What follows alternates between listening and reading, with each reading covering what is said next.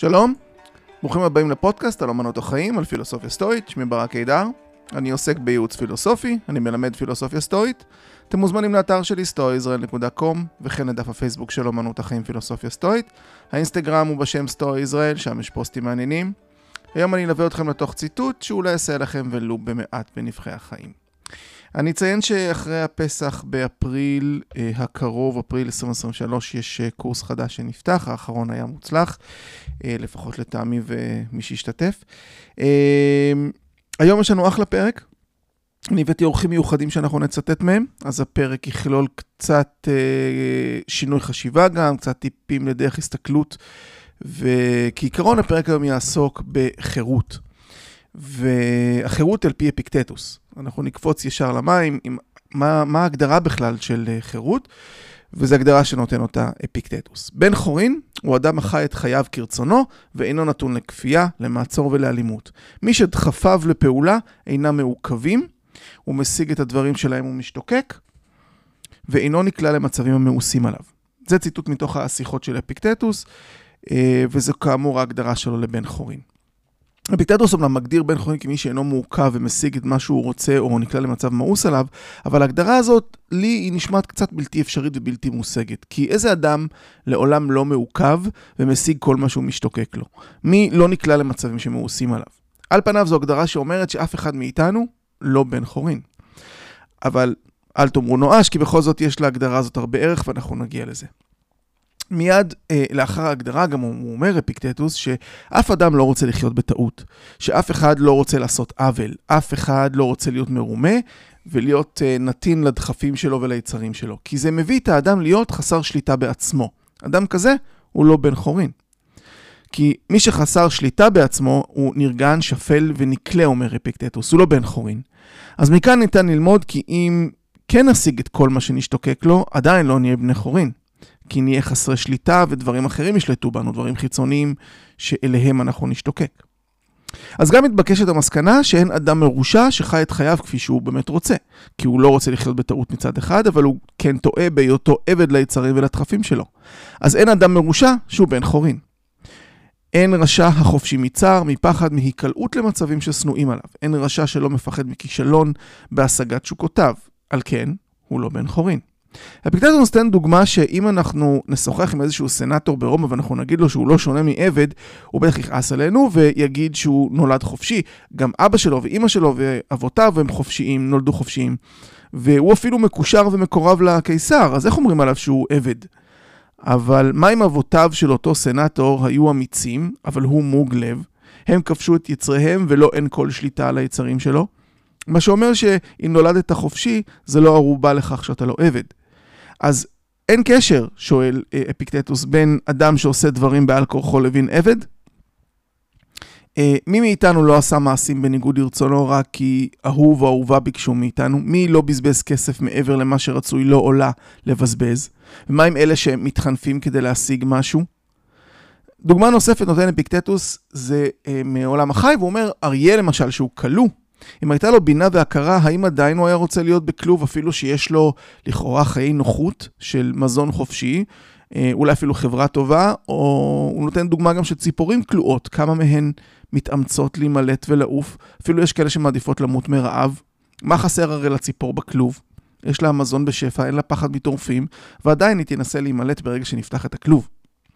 דוגמה נוספת נותן אפיקטטוס על דיוגנס הציני. הוא אמר, הדרך הבטוחה ביותר לחירות היא למות ברוח שקטה.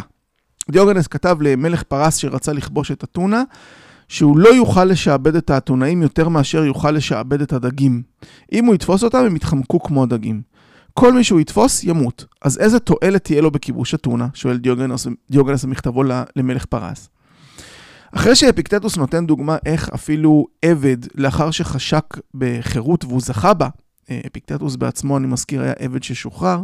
אז עבד שחשק באיזושהי חירות וזכה בה, לפתע הוא מרגיש משועבד יותר מאשר הוא היה כאשר היה לו רק אדון אחד. עכשיו יש לו הרבה מאוד אדונים. אפילו שההחלטות הן שלו, הוא עובד למען אחרים, הוא צריך להחניף אה, ועוד מעשים שלא היה צריך לעשות כשהוא היה עבד. אפיקטטוס נותן הסבר ש...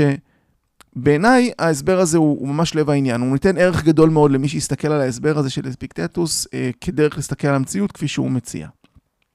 הוא אומר שאדם צריך ללמוד, אה, כמו שאמר סוקרטס, להכיר את טבעו המיוחד של כל דבר. אפיקטטוס מסביר שאדם לא צריך להשליך באקראי את דעותיו המוקדמות לכל מקרה המיוחד בפני עצמו. כי זאת הסיבה לכל הצרות של בני אדם. ההנחות המוקדמות שמושלכות אקראית על המציאות. כל מקרה הוא מיוחד, אבל ההנחות המוקדמות שלנו, הדעות שלנו מראש על הדברים, לא לוקחים בחשבון כל מקרה כמיוחד ולגופו. כל אחד הוא בעל איזושהי פרספקטיבה אישית וייחודית עם איך שהוא רואה את המציאות. והוא משליך את הראייה שלו על המציאות. אחד חושב שהוא חולה, אבל הוא לא חולה. שני חושב שאין לו מספיק כסף, אבל ביחס למציאות הוא בכלל עשיר. אה, לדוגמה, אנשים שחיים בישראל מעמד ביניים חושבים שאין להם מספיק כסף, אבל אם היינו שמים אותם עם אותו הון באפריקה, למשל, הם היו, או בהודו, הם היו עשירים כקורח. אחר חושב שהוריו עשו לו עוול, או שהבוס שלו לא רואה אותו.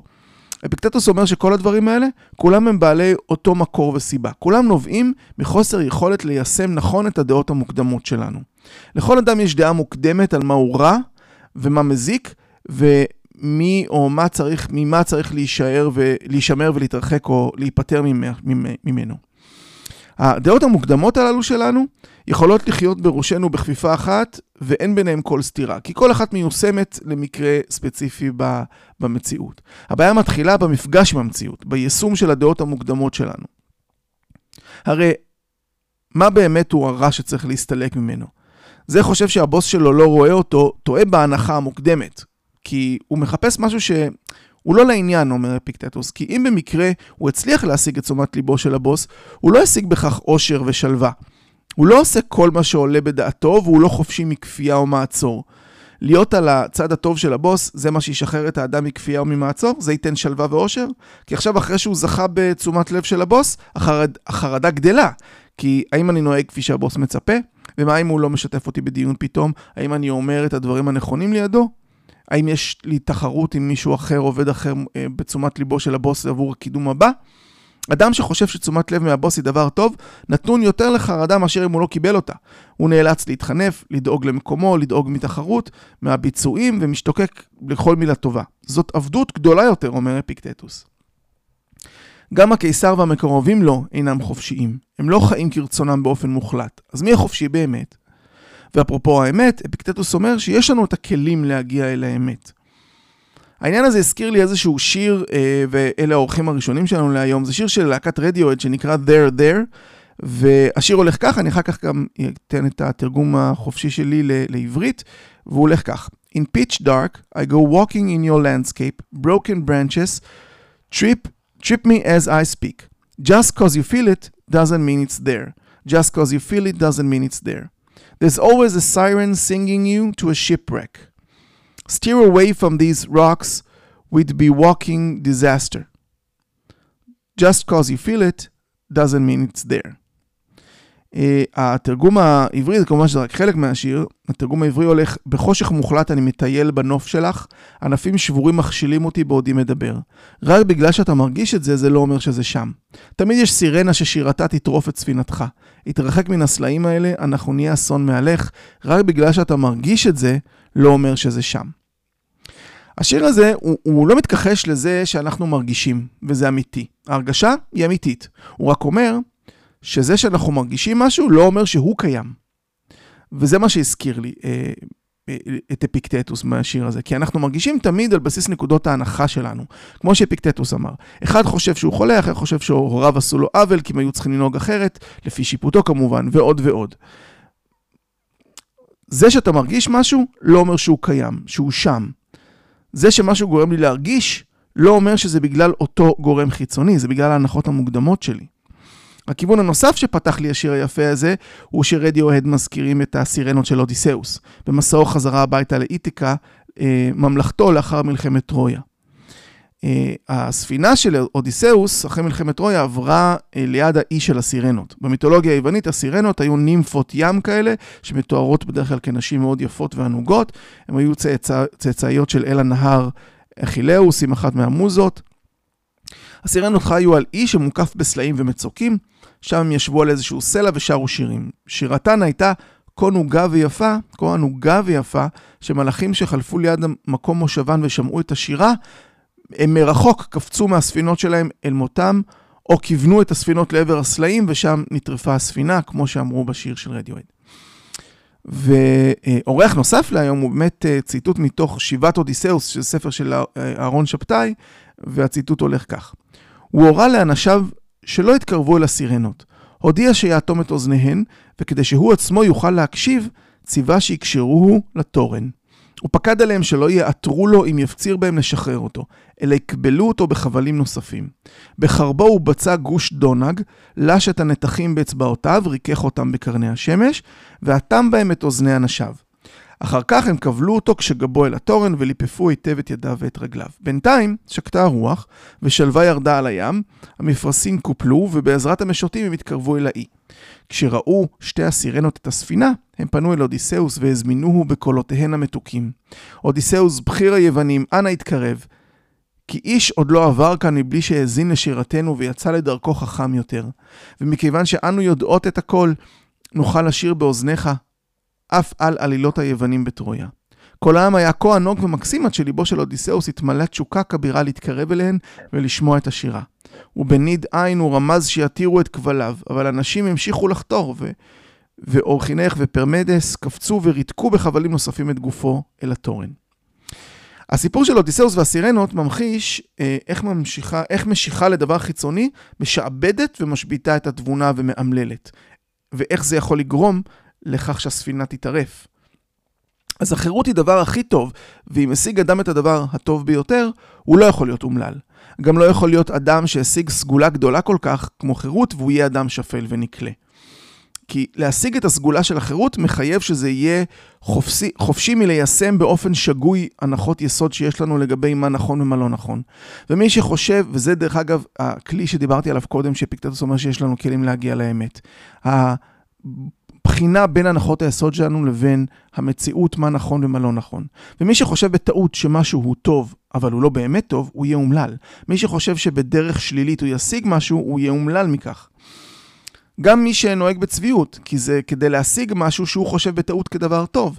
זה אומר שהוא לא חופשי להגיד את דעתו האמיתית. עבד, זה משהו. גם מי שמתרפס הוא סוג של עבד. אותו הדבר, הוא חושב בטעות שמה שהוא רוצה להשיג הוא טוב ומצוי בידי אחר, אז הוא בוחר להתרפס בשל כך.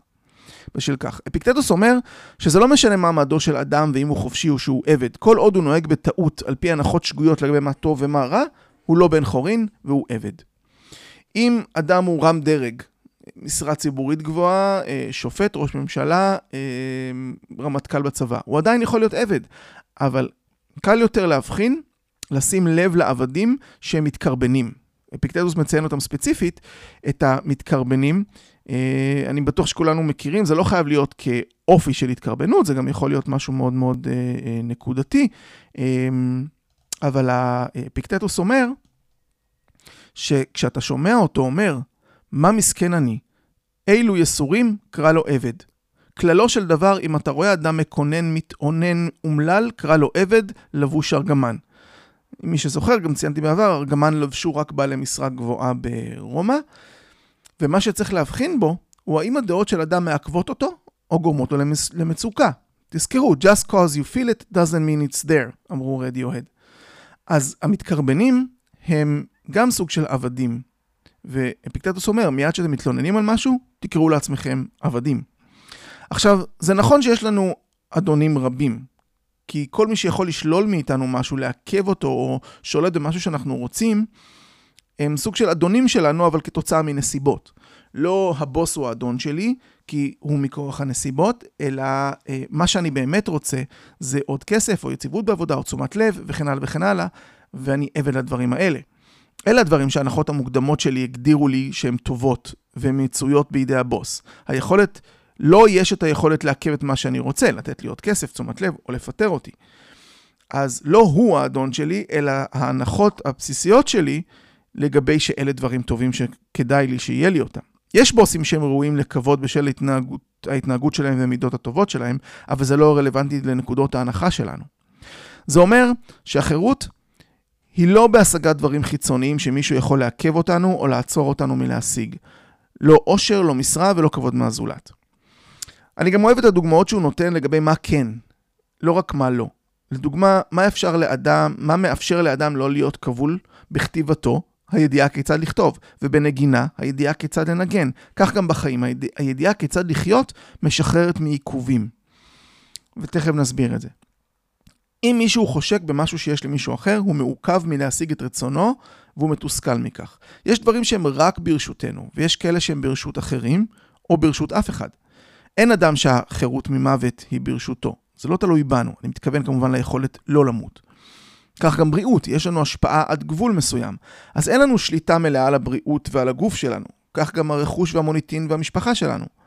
הדחף שלנו הוא כן בשליטה שלנו, מה שאנחנו רוצים או לא רוצים. אף אחד לא יכול להכריח אותנו לרצות משהו, או לעכב אותנו מלרצות משהו. ואם תשאלו לגבי הבריאות למשל, האם אין לי שליטה על הבריאות שלי?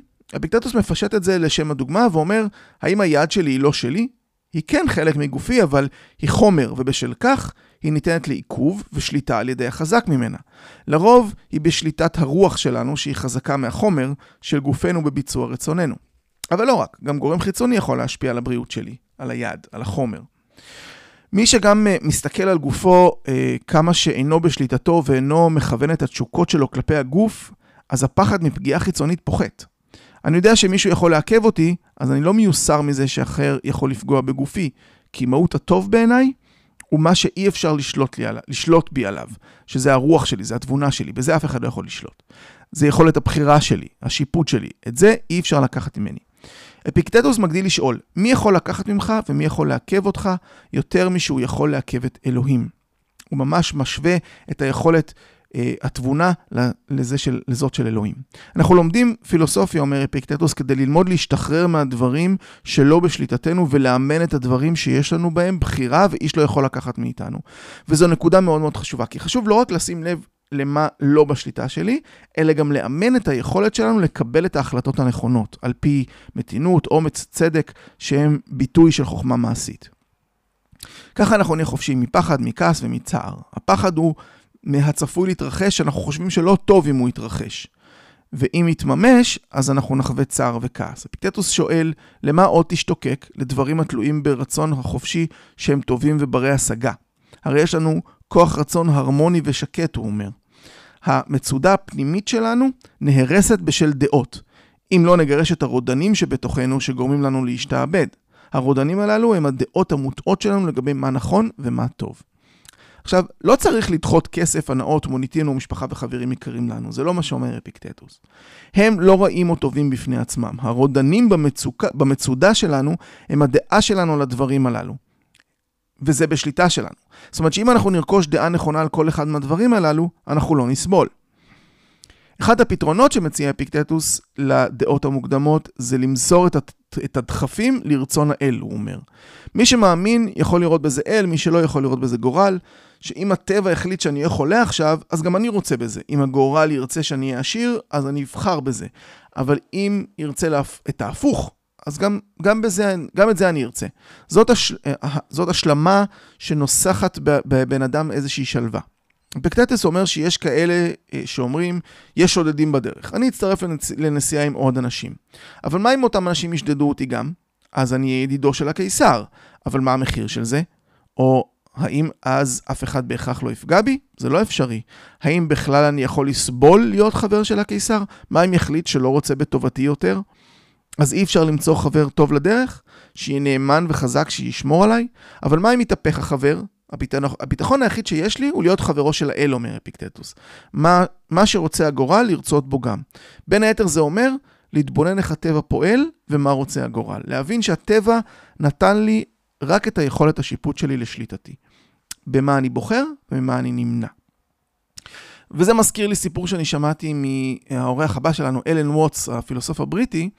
הוא מספר על איזשהו חקלאי סיני שהיה לו סוס אחד. יום אחד ברח הסוס, כל אנשי הכפר אמרו לו, היי, זה נורא שברח הסוס. אבל החקלאי אמר, אה, לא יודע אם זה נורא, נראה. אבל אז הסוס שלו חזר עם עוד שני סוסים. השכנים באו ואמרו לו, איזה מזל גדול. החקלאי הסיני ענה, לא יודע, אולי, נראה, לא יודע אם זה מזל גדול.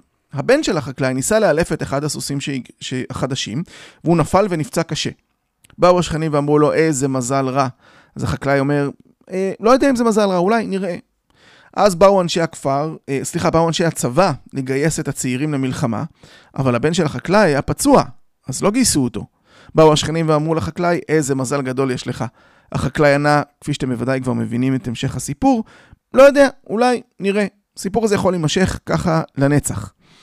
אני גם מאמין שאפיקטטוס היה חותם על המוסר השכל של הסיפור הזה, שאין טוב או רע במציאות עצמה.